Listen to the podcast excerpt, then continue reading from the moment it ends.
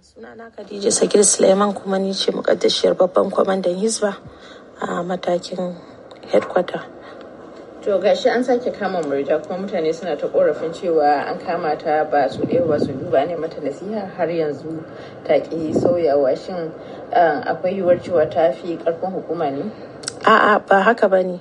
Kowa ya riga san cewa a kamar yadda yake tun daga bidaya shi mai girma zababben gwamna. Mun gwamna ne da ya himmatu da tarbiyyar 'ya'ya musamman 'ya'ya mata.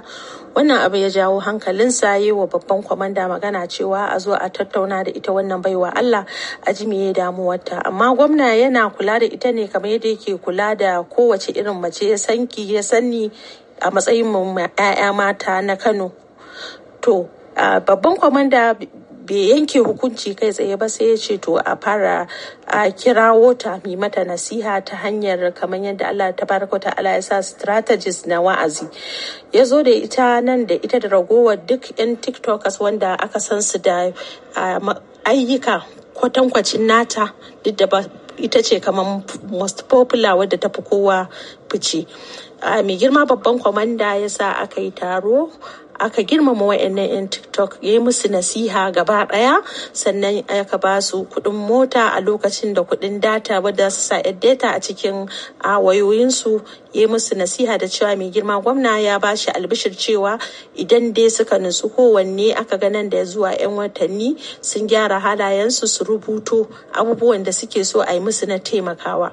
To kasatin ita murja sai aka ware ta ma nata daban muka kai ta ofis kamar ni da nake wakiltar ɓangaren ɓangaren mata muka je muka yi sallah. Malam ya ce in fara tambaya ta ni da ita ko da wani abu da take jin ba za ta iya faɗa min ba ba ta iya faɗa a gaban maza ba ni ta faɗa. Muka da ita kusan daidai abin da aka sani din dai da ta saba cewa ba wani abu da ta kawo babba da take so. Muka zo gaban mai girma babban kwamanda shek malam imam aminu ibrahim daurawa.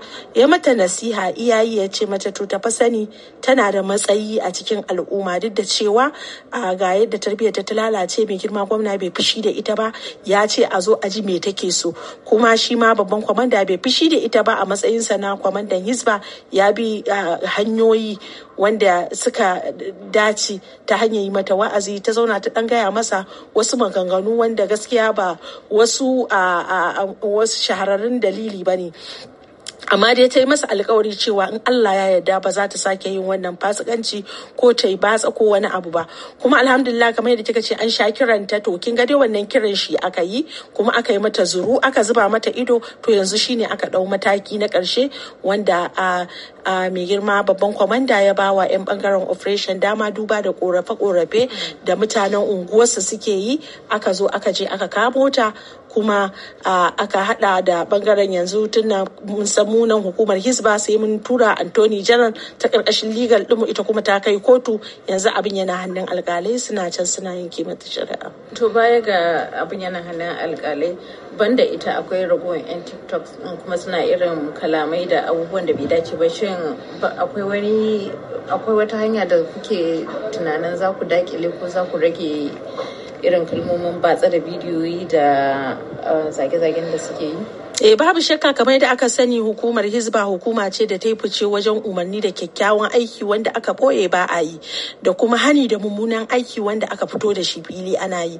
Babu shakka abin da ya sa hukumar Hizba ta himmata akan TikTok saboda yana ɗaya daga cikin babban inda ake yada abubuwa na fasadi wanda mun sani ko a ƙasar turai sukan halatta abubuwa wanda suke haramun ne a musulunci amma sukan haramta bayyana su.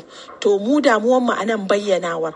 Kuma hukumar hizba ta shirya tsaf domin a tunkara duk wanda yake da irin hali na kamar murja ko makamancin haka a domin ta daƙile abin da yake. Kamar yadda na gaya miki lokacin da aka yi wancan taron ai ba ita kadai aka kira ba dukkan su ma aka kira aka yi musu nasiha. Eh akwai hanyoyi da dama misali. Na farko dama mun bi hanyoyin wa'azi kuma muna ta yi mu ma mun buɗe shafukan mu a TikTok ɗin nan. Muna saka bayanai na abubuwa da su ja hankalin mutane domin a rage sauraron su. Watakila a ga na abubuwa wanda suke da za su taimaka taimaka wa mutum ɗan adam a rayuwarsa ta yau da gobe. Sannan a cikin hanyoyi mai girma babban kwamanda mun sani cewa yana da alaƙoƙi da manyan hukumomi da mukamai na na matakai na gwamnati da har abin da ya shafi ƙasa da ƙasa.